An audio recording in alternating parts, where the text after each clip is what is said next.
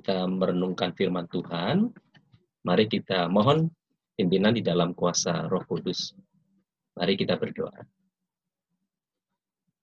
Terima kasih ya Allah, Bapa di dalam surga, bahwa kami selalu memiliki kesempatan di dalam kasih-Mu untuk terus menikmati karya pemeliharaan Tuhan di dalam kehidupan kami.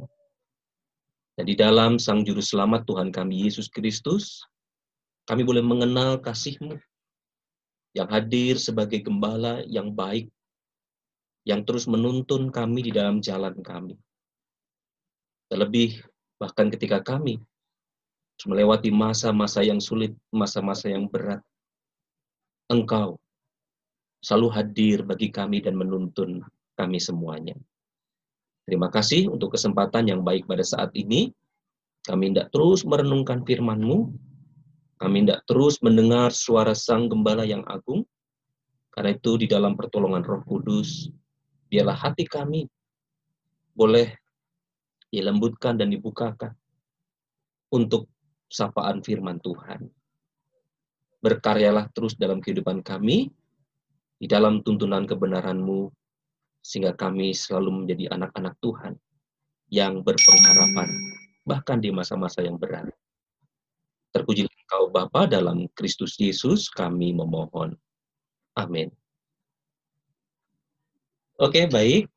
Kita akan membuka firman Tuhan. Saya memilihkannya bagian yang untuk kita renungkan pada saat ini dari Yesaya pasal 40. Yesaya pasal 40 ayat 1 sampai ayat 11.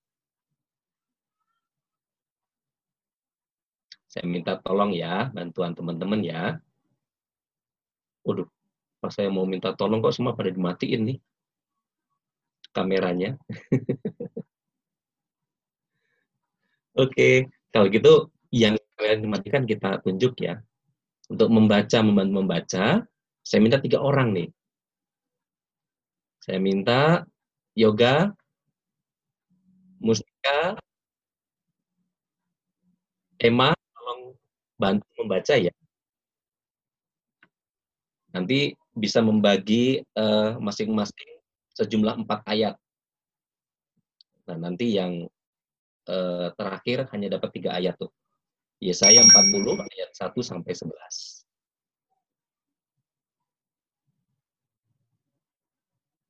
Berarti dari aku ya, Kak? Ya, dari Yoga. Yesaya 40 ayat 1 sampai 11 dengan perikop keselamatan untuk bangsa yang di dalam pembuangan. Iya, betul. Hiburkanlah, hibur, hiburkanlah, hiburkanlah umatku. Demikian firman Allahmu. Tenangkanlah hati Yerusalem dan serukanlah kepadanya bahwa perhambaannya sudah berakhir, bahwa kesalahannya telah diampuni, sebab ia telah menerima hukuman dari tangan Tuhan, dua kali lipat karena segala dosanya. Ada suara yang berseru-seru, Persiapkanlah di padang gurun jalan untuk Tuhan. Luruskanlah di padang belantara jalan raya bagi Allah kita. Setiap lembah harus ditutup dan setiap gunung dan bukit diratakan. Tanah yang berbukit-bukit harus menjadi tanah yang rata dan tanah yang berlekuk-lekuk menjadi dataran. Maka kemuliaan Tuhan akan dinyatakan dan seluruh umat manusia akan melihatnya bersama-sama. Sungguh Tuhan sendiri telah mengatakannya. Ada suara yang berkata, berserulah. Jawabku, apakah yang harus kuserukan? Seluruh umat manusia adalah seperti rumput, dan semua semaraknya seperti bunga di padang. Rumput menjadi kering, bunga menjadi layu. Apabila Tuhan menghembusnya dengan napasnya. Sesungguhnya bangsa itu, sesungguhnya lah bangsa itu seperti rumput. Rumput menjadi kering, bunga menjadi layu, tetapi firman Allah kita tetap untuk selama-lamanya. Hai Sion, pembawa kabar baik, naiklah ke atas gunung yang tinggi. Hai Yerusalem, pembawa kabar baik, nyaringkanlah suaramu kuat-kuat. Nyaringkanlah suaramu, jangan takut. Katakanlah kepada kota-kota Yehuda, lihat, itu Allahmu. Lihat, itu Tuhan Allah. Ia datang dengan kekuatan dan dengan tangannya ia berkuasa. Lihat, mereka yang menjadi upah jeripayahnya ada bersama-sama dia. Dan mereka yang diperolehnya berjalan di hadapannya. Seperti seorang gembala, ia menggembalakan kawanan ternaknya dan menghimpunkannya dengan tangannya. Anak-anak domba di pangkunya, induk-induk domba dituntunnya dengan hati-hati. Demikian firman. Baik, terima kasih teman-teman dan pembantu ya. Nah, itu bagian firman Tuhan yang akan kita sama-sama renungkan pada saat ini tentang pengharapan. Temanya kan there is always hope. Jadi selalu ada pengharapan. Nah, biasanya ketiadaan pengharapan itu sering kali terjadi dalam kehidupan kita dan dialami oleh banyak orang. Lebih ketika ada banyak persoalan, ada pergumulan yang seolah-olah menggelapkan seluruh kehidupan kita. Sehingga yang terlihat hanyalah kegelapan, bahkan kegelapan yang paling pekat di dalam hidup kita. Dan di situ kebanyakan dari kita kemudian eh, merasa tidak punya harapan, tidak ada secercah cahaya pun bagi kita untuk menemukan jalan keluar, untuk menemukan terang yang menghadirkan kebaikan, yang menolong kita dari situasi, dari kondisi yang kita hadapi.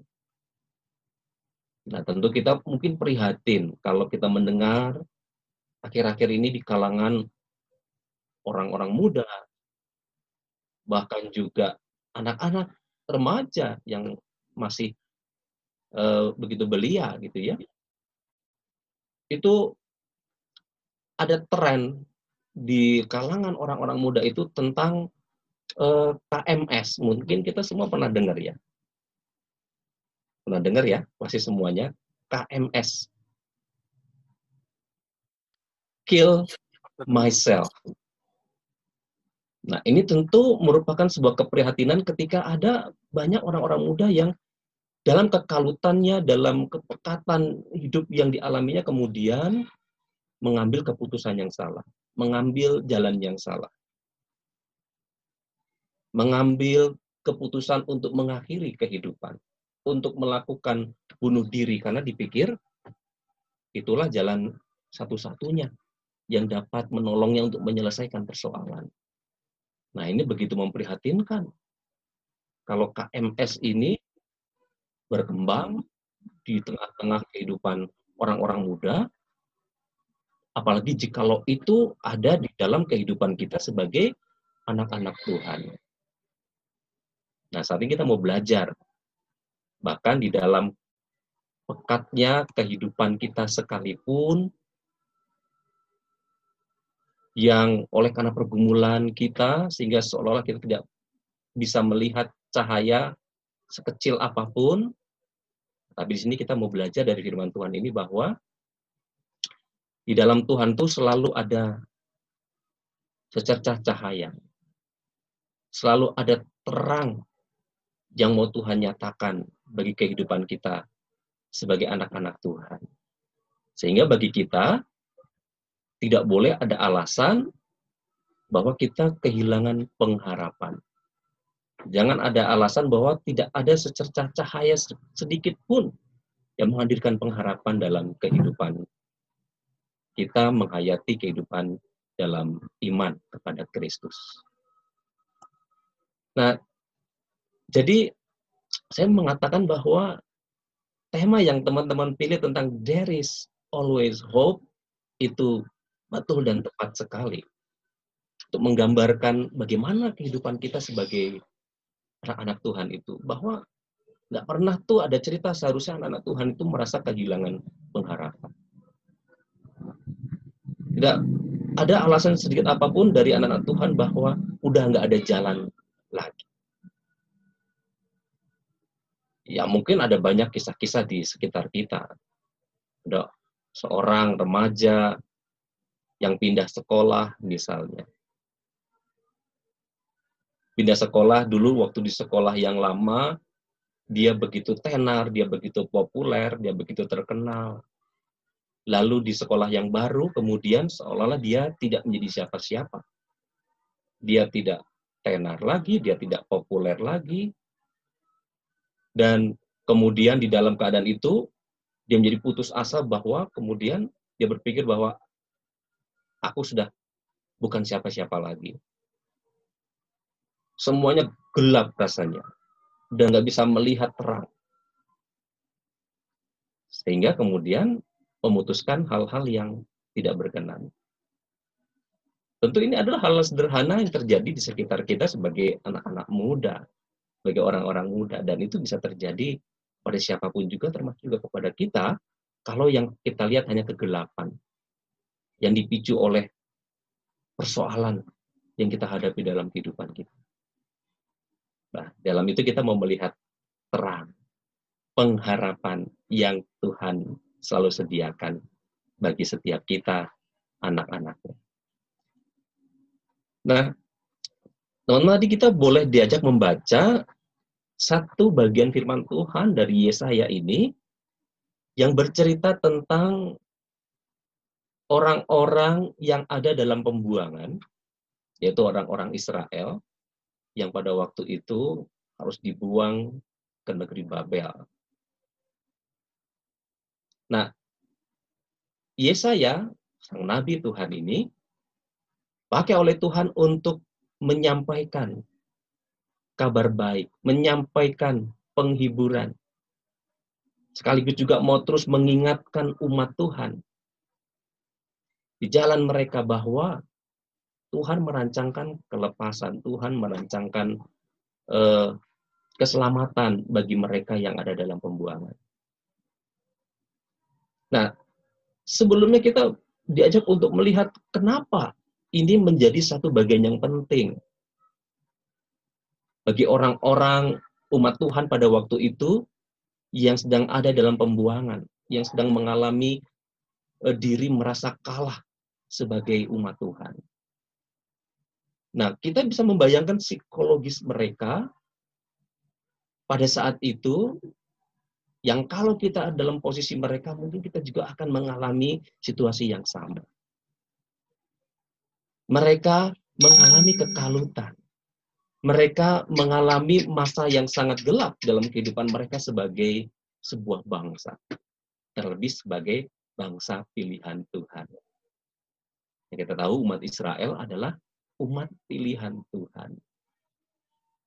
Umat pilihan Tuhan yang pada waktu itu sangat disegani.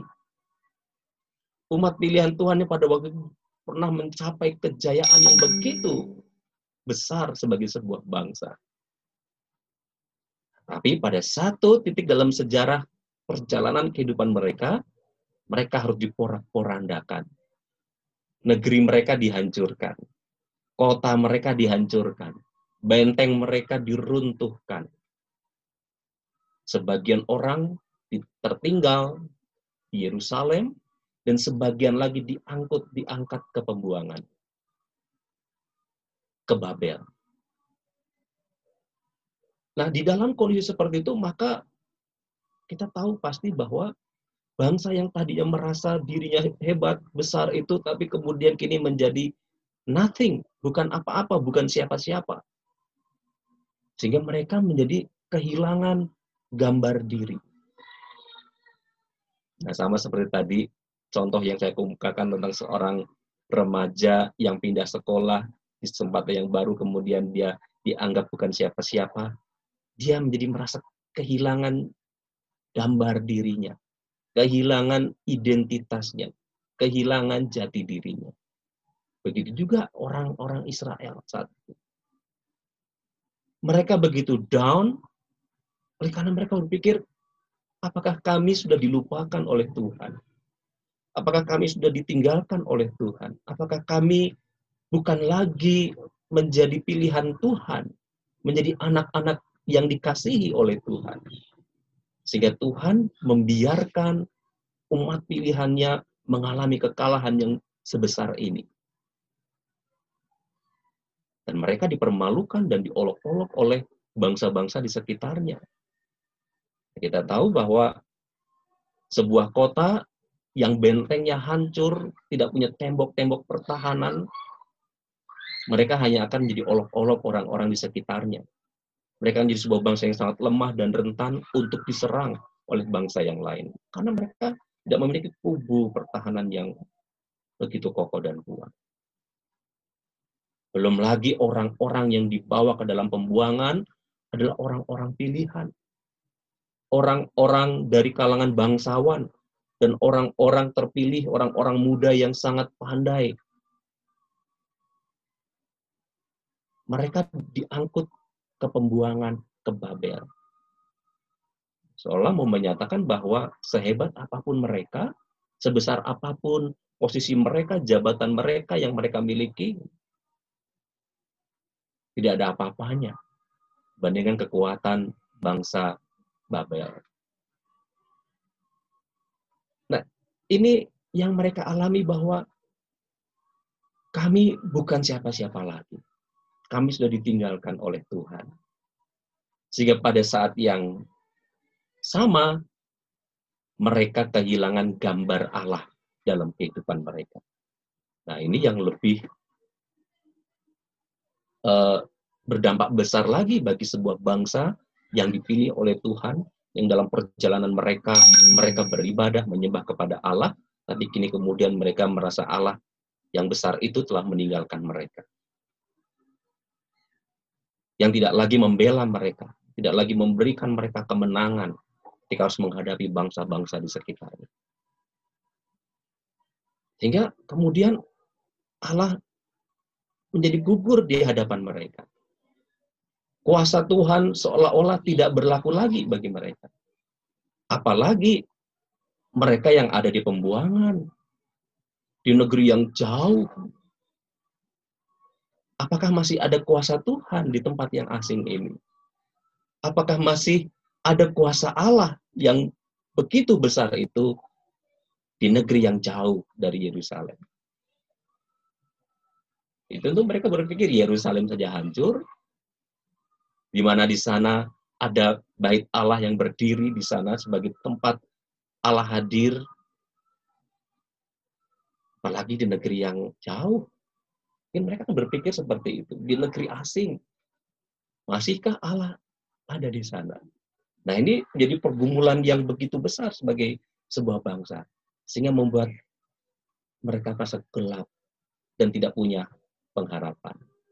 Nah, dalam situasi seperti itu, maka mereka menjadi labil, mereka menjadi tidak rasional juga, sehingga dimanfaatkan, dipakai oleh orang-orang tertentu untuk mengambil keuntungan dari situasi itu. Banyak muncul nabi-nabi yang palsu di tengah-tengah mereka yang memberitakan kepada mereka bahwa jangan khawatir, Tuhan Allah akan segera menolong kalian. Wah, tentu ini kan menjadi satu semangat dan pengharapan kalau berita tentang nubuat itu mereka aminkan, nggak lama kok pembuangan ini, nggak lama kok keadaan ini, karena Tuhan akan segera menolong. Paling hanya terjadi beberapa tahun saja. Setelah itu kalian akan kembali ke negeri kalian dan jadi sebuah bangsa yang besar lagi. Kira-kira seperti itu yang diberitakan oleh nabi-nabi palsu di tengah mereka. Padahal Tuhan punya rencana yang lain. Nah, di sinilah di tengah-tengah keadaan itulah Yesaya dan juga Nabi Yeremia yang kemudian memberitakan tentang kebenaran kabar baik itu bagi mereka Walaupun Tuhan punya rencana bagi mereka bukan beberapa tahun ke depan, tapi beberapa puluh tahun ke depan.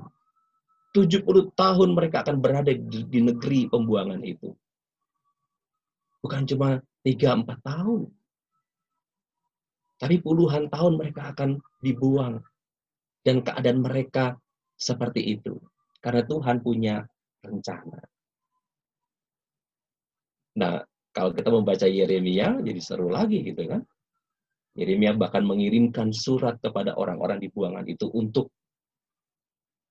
takluklah di dalam pemerintahan Raja Babel. Hiduplah di sana, bangunlah kotamu, gitu kan. Karena kesejahteraan kota di mana kau tinggal adalah kesejahteraanmu juga. Karena masih lama engkau ada di sini. Bukan seperti yang diinginkan. Berita yang ingin mereka dengar pada saat itu. Tapi itulah rencana Tuhan bagi mereka. Rancangan Tuhan bagi mereka. Nah, oleh karena itu Tuhan memakai para hambanya untuk terus mengingatkan kepada umatnya itu tentang janji keselamatan Tuhan. Ada pengharapan bahwa pada saatnya ketika waktunya tiba Tuhan akan melepaskan mereka. Jadi walaupun mereka harus mengalami persoalan yang lebih panjang, tidak seketika persoalan mereka selesai pada saat itu, lebih cepat tidak, tapi masih akan lama mereka di sana, tetapi Tuhan terus menyediakan pertolongannya. Nah, karena itu di sini Nabi Yesaya diminta oleh Allah untuk menyampaikan berita yang menghiburkan. Hiburkanlah, hiburkanlah umatku. Demikianlah firman Allahmu. Tenangkanlah hati Yerusalem dan serukanlah kepadanya bahwa perhambaannya sudah berakhir.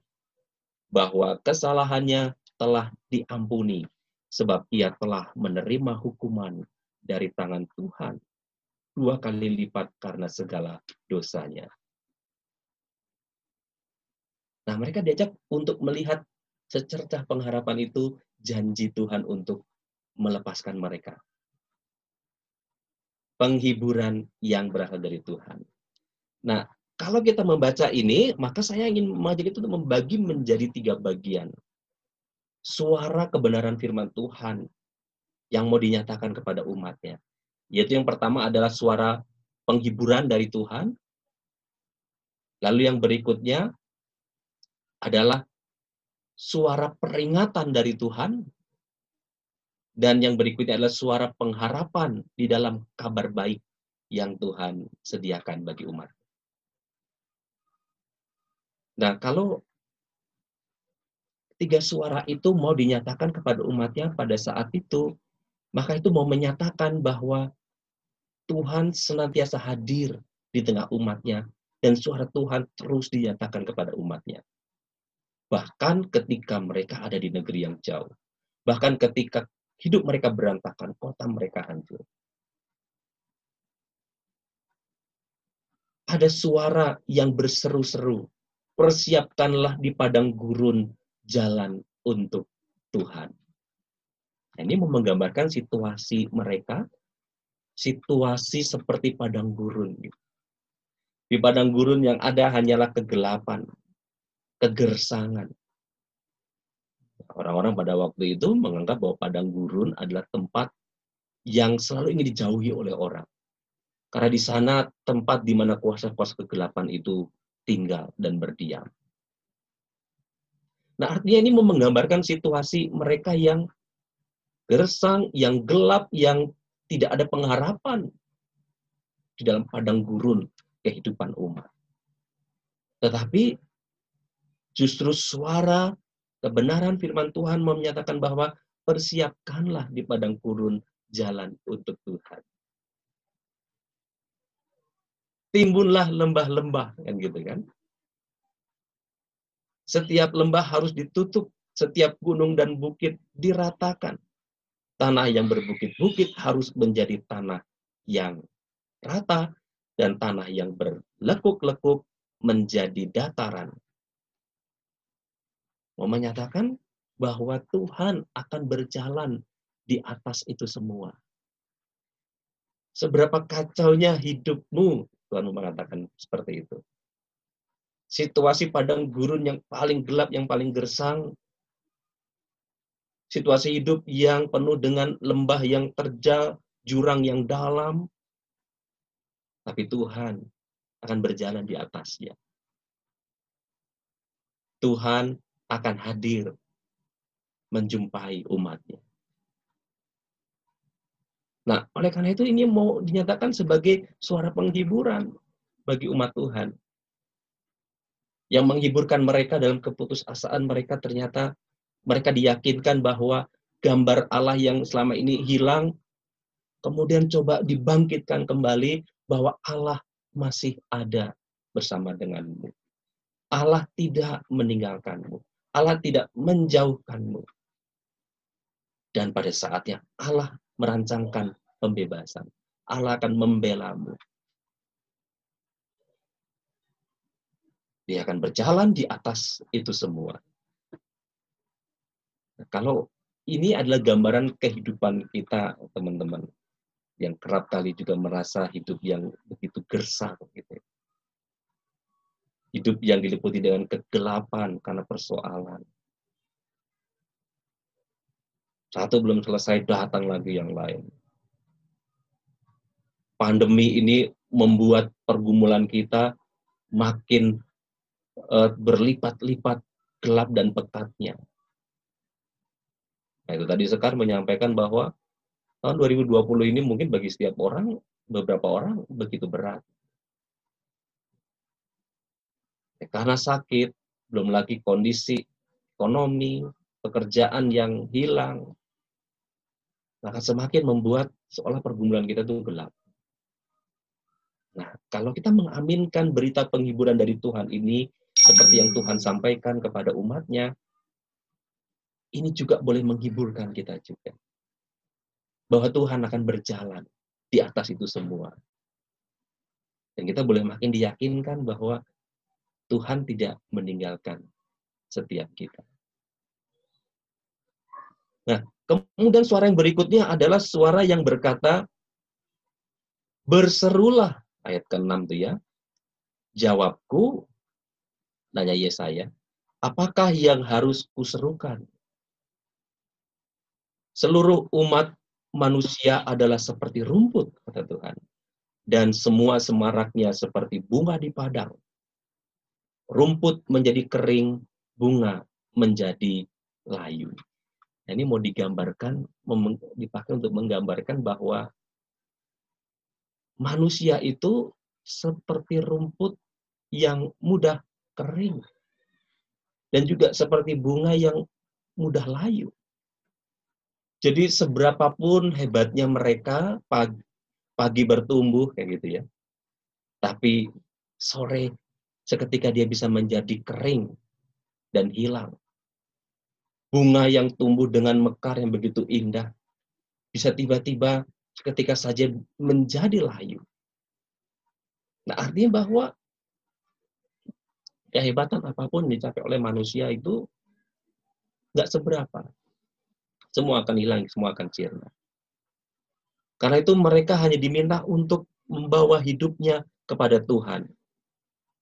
Karena apabila Tuhan mengembuskannya dengan nafasnya, sesungguhnya bangsa itu seperti rumput rumput menjadi kering, bunga menjadi layu.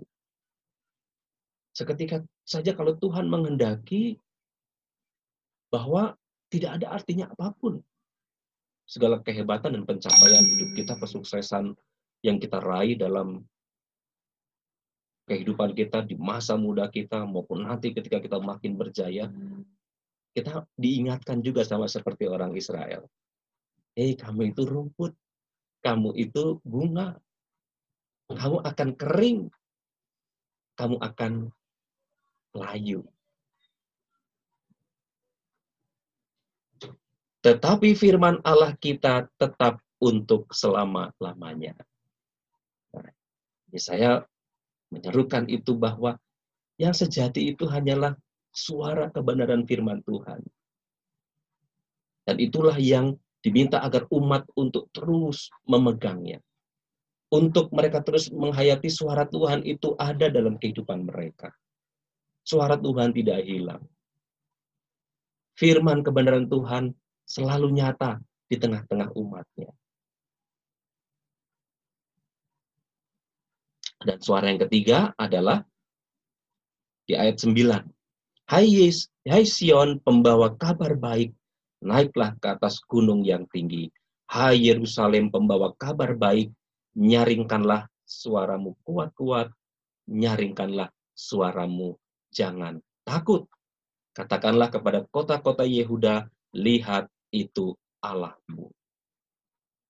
Ada suara kabar baik yang mengajak mereka untuk lihatlah itu Tuhan Allahmu. Dia ada, dia dekat denganmu. Jadi gambar Allah yang tadinya runtuh itu harusnya dengan suara kebenaran ini boleh tumbuh lagi bahwa oh iya Allah tidak pernah meninggalkanku. Allah selalu hadir bagi umatnya. Nah, seharusnya itu yang juga semakin menumbuhkan gambar diri mereka agar mereka tidak menjadi umat yang putus asa, yang salah dalam mengambil keputusan. Lebih percaya kepada suara nabi-nabi palsu daripada mendengarkan suara Tuhan. Nah, oleh karena itu mereka mau diajak untuk menghayati hidup seperti orang sebagai umat yang dipimpin oleh sang gembala. Nah, di sini di bagian akhir dari perenungan ini, dari bagian perikop ini, digambarkan Tuhan itu seperti gembala yang menuntun kawanan umatnya. Seperti seorang gembala yang mengembalakan kawanan ternaknya dan menghimpunkannya dengan tangannya. Anak-anak domba di pangkunya, induk-induk domba dituntunnya dengan hati-hati. Nah, jadi kita melihat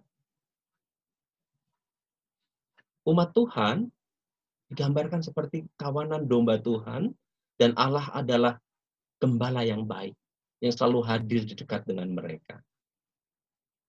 Sang gembala yang terus menyatakan suara dalam kehidupan domba-dombanya. Baik itu suara yang menghiburkan maupun juga suara yang memberikan peringatan dan suara yang boleh meneguhkan dalam pengharapan. Karena ada kabar baik bagi setiap domba-domba miliknya. Nah, kita melihat gembala itu, gembala yang baik itu, pasti dia akan terus memperhatikan kawanan dombanya. Tidak akan meninggalkan. Kecuali kalau gembala itu jahat, dia merasa bahwa ah ternak ini bukan milik kepunyaanku kok. Ini hanyalah milik tuan-tuanku. Jadi kalau ada bahaya di tengah jalan, ya sudah tinggalkan saja domba-domba itu. Tetapi bagi Allah, umatnya adalah tetap milik kepunyaannya. Mereka tetap adalah umat pilihan Tuhan. Dan di dalam bahaya yang besar apa pun, Tuhan tidak meninggalkan umatnya. Nah, seharusnya umat Tuhan itu makin diteguhkan. Iya ya, Allah itu gembala yang baik. Dia hadir dan akan membela tapi sang gembala juga akan berteriak kepada dombanya kalau mereka pergi menjauh, melenceng dari jalan Tuhan. Sang gembala akan memberikan peringatan bahwa domba harus mengikuti tuntunan sang gembala. Nah, dan itu semua sang gembala memberikan pengharapan, kabar baik bahwa dialah akan menuntun domba-dombanya untuk menemukan padang rumput yang baik, yang hijau. Menemukan air yang tenang. Dan itu adalah satu pengharapan bagi setiap orang-orang yang mempercayakan dirinya kepada tuntunan sang gembala bahwa sang gembala itu akan menuntun kepada yang baik. Bukan menuntun pada hal yang mencelakakan, bukan. Nah, di dalam tuntunan sang gembala itu domba-domba punya pengharapan bahwa di depan sana walaupun jalannya terjal, walaupun ada jurang, walaupun harus melewati bagian-bagian yang gersang, tetapi di balik itu akan tersedia tempat yang baik, tempat yang uh, begitu memberikan kehidupan bagi mereka. Nah, teman-teman pemuda, dalam kerangka penghayatan umat Tuhan melalui pengalaman di pembuangan ini, maka kita pun juga diajak untuk menghayati hidup seperti umat Tuhan pada waktu itu yang tidak pernah ditinggalkan oleh gembalanya. Karena sang gembala akan terus menyatakan suara penghiburan bagi setiap kawanan domba miliknya. Akan terus juga mengingatkan setiap kita juga tentang mana hal yang baik, mana hal yang benar, agar kita juga dimampukan untuk mengambil keputusan-keputusan yang berkenan di hadapan Tuhan. Dan selalu ada harapan, pengharapan tentang hal yang baik dalam perjalanan kehidupan kita. Karena sang gembala yang baik itulah yang juga menjaminkannya kepada kita sebagai anak-anak Tuhan. Nah, jadi kembali pada saat ini mau ditekankan kepada kita bahwa tidak ada alasan sedikit pun bagi kita untuk tenggelam di dalam keputusasaan, dalam rasa kecewa, di dalam perasaan kalah, kecil, bukan apa-apa, bukan siapa-siapa. Pandemi ini menggulung kehidupanku. Pengalaman eh, di pekerjaan membuat begitu pahit. Nah, saat ini kita mau diajak untuk melihat bahwa gambar Allah dalam hidup kita itu selalu selalu nyata. Bahwa Allah tidak pernah meninggalkan kita juga. Nah, saya mengajak teman-teman untuk merenungkan pada saat ini. Bagaimana gambar Allah kita dalam kehidupan kita? Apakah ada pengalaman-pengalaman yang membuat kita kemudian kehilangan gambar Tuhan dalam hidup kita? Merasa bahwa Tuhan telah jauh dariku. Tuhan tidak membelaku. Kalau Tuhan ada, kenapa aku harus mengalami persoalan yang seperti ini? Aku harus mengalami kegagalan. Aku harus mengalami kekalahan demi kekalahan. Coba teman-teman saat ini merenungkannya. Bagaimana gambar Allah dalam kehidupan kita? Dan pada saat yang sama, kita diajak untuk merenungkan juga bagaimana gambar diri kita jati diri kita, identitas kita. Apakah kita telah kehilangan jati diri kita sebagai anak-anak Tuhan, atau kita masih tetap anak-anak Tuhan yang mau terus menggantungkan hidup kita kepada Tuhan? Nah, coba teman-teman renungkan, adakah pergumulan, adakah persoalan yang membuat teman-teman merasa bahwa aduh udah tidak ada harapan lagi sekecil apa pun aduh sudahlah hidupku tidak berarti selalu ada harapan di dalam karya Tuhan bagi setiap kita anak-anaknya.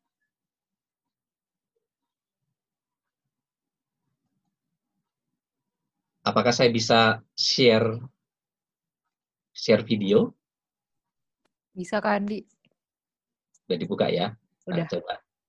Ini sebuah film yang yang kita cukup kenal. Hmm, bentar. Share ya. Share, share. Ya.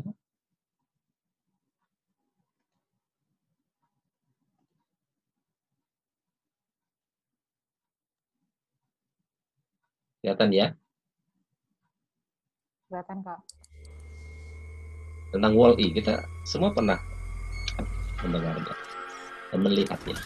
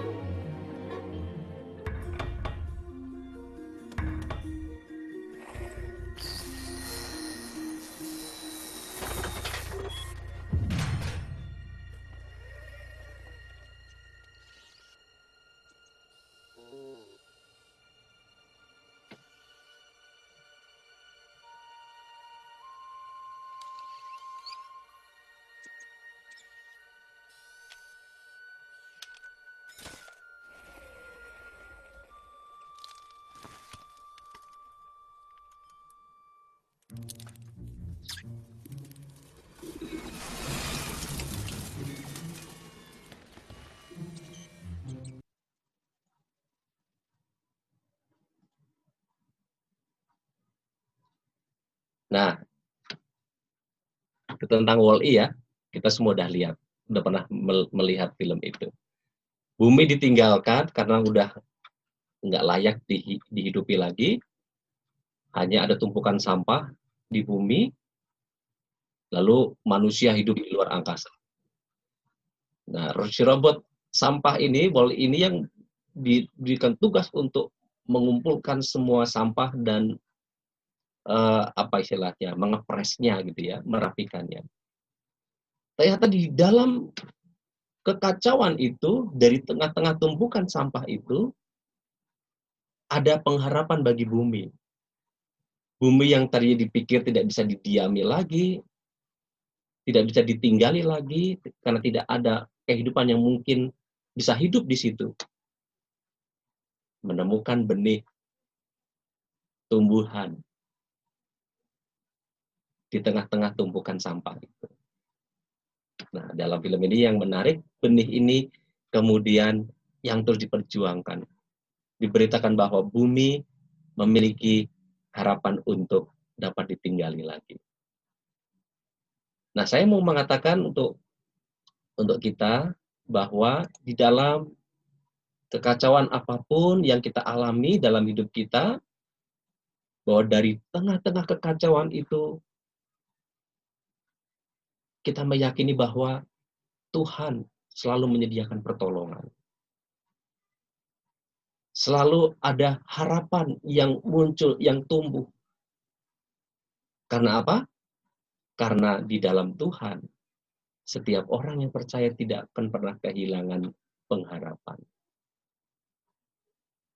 Nah, teman-teman kan juga mungkin masih ingat 1 Korintus 13 ayat 13 mengatakan apa? Coba saya minta salah satu teman membacakannya. Kesia, coba tolong bacakan. 1 Korintus 13 1 Korintus 13 ayat 13. ayat 13. Demikianlah tinggal ketiga hal ini yaitu iman, pengharapan dan kasih. Dan yang paling besar di antaranya ialah kasih.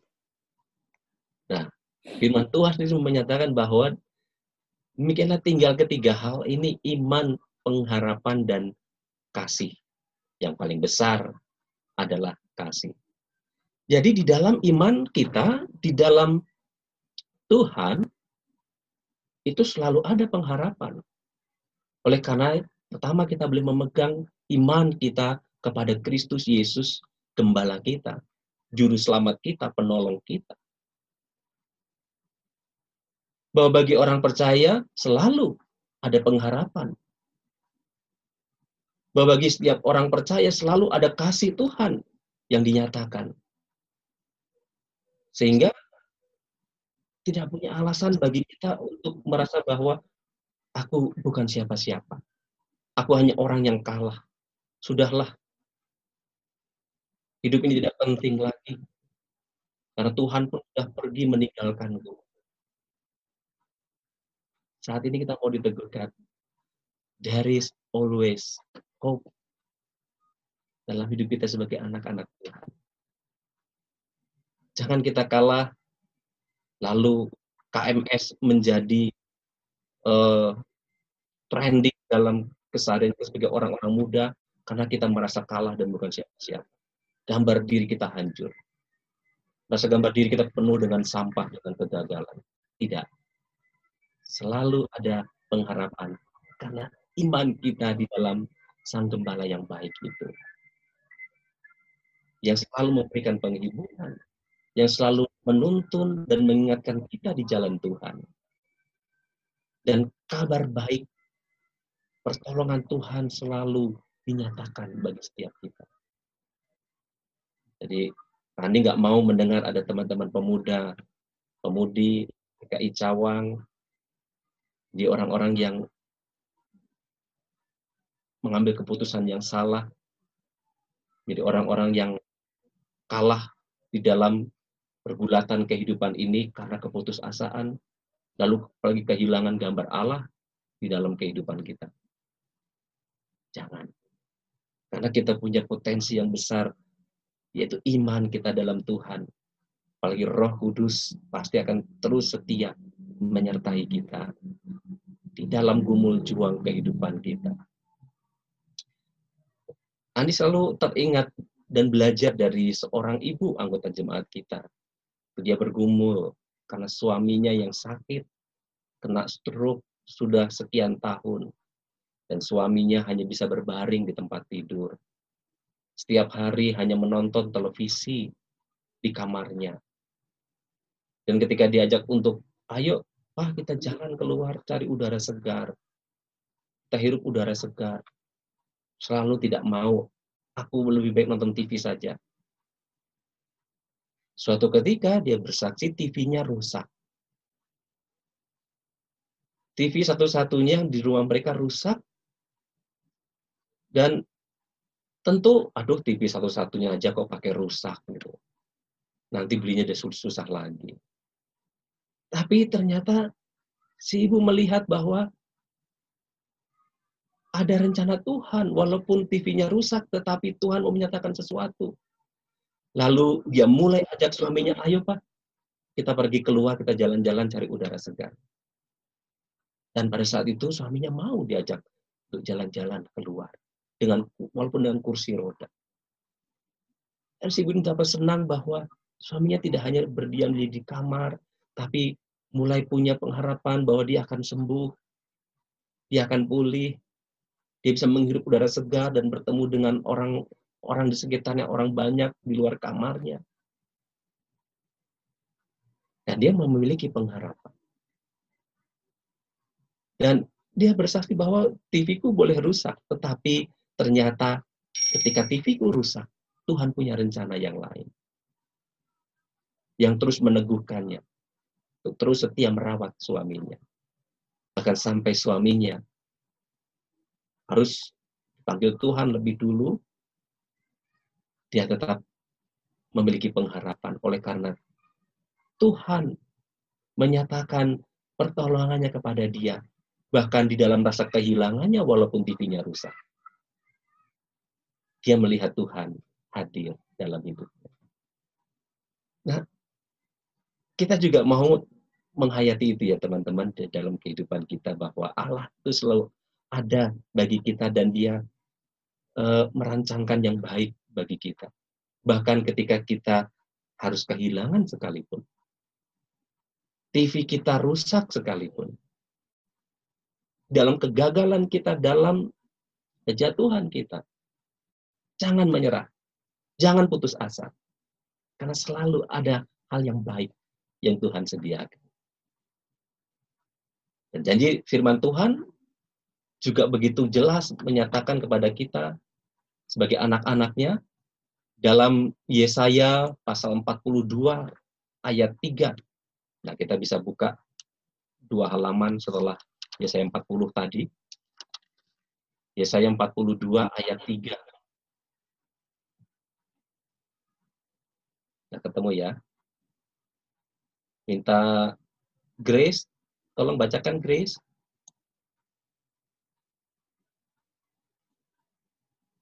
Oke Kak, bentar ya.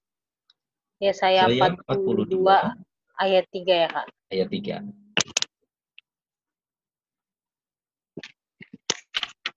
Yesaya 42 Wait, Kak. Baru saja mendownload Alkitab di laptop aku bukan. Udah ketemu? Udah. Eh, maksudnya bentar lagi, Kak. Oke. Okay.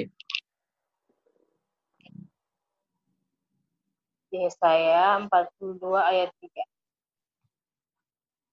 Bulu yang patah terkulai tidak akan diputuskannya, dan sumbu yang pudar nyalanya tidak akan dipadamkannya. Tetapi dengan setia, ia akan menyatakan hukum. Ya. Jadi jelas sekali firman Tuhan mengatakan seperti itu. Terima kasih Grace. Buluh yang patah terkulai tidak akan diputuskannya. Dan sumbu yang pudar nyalanya tidak akan dipadamkannya. Artinya bahwa dalam keadaan sampai hampir tergeletak sekalipun gitu kan. Tapi Tuhan akan menegakkan kita kembali. Kita yang patah terkulai, Tuhan akan menopang dengan tangannya. Dan ketika semangat kita hampir pudam, pudar, padam, sumbu kita mulai redup, Tuhan akan membangkitkan semangat kita kembali. Karena di dalam Tuhan selalu ada penghiburan, selalu ada pertolongannya, dan selalu ada pengharapan yang Tuhan sediakan. Selamat menjalani pergulatan kehidupan teman-teman sebagai orang-orang muda yang terus menghayati bahwa gambar Allah kita tidak pernah pudar dan juga jati diri kita, gambar diri kita di dalam Tuhan, kita boleh semakin diteguhkan, sehingga kita akan dimampukan untuk melewati pandemi yang berat ini. Tahun 2020 yang tidak terbayangkan sebelumnya, kita akan mengalami banyak persoalan, banyak kegagalan, banyak kehilangan. Tapi kita mau terus maju. Tuhan menegakkan kita kembali. Dan sungguh kita akan terus menyala. Ya Tuhan, memberkati kita semuanya. Amin.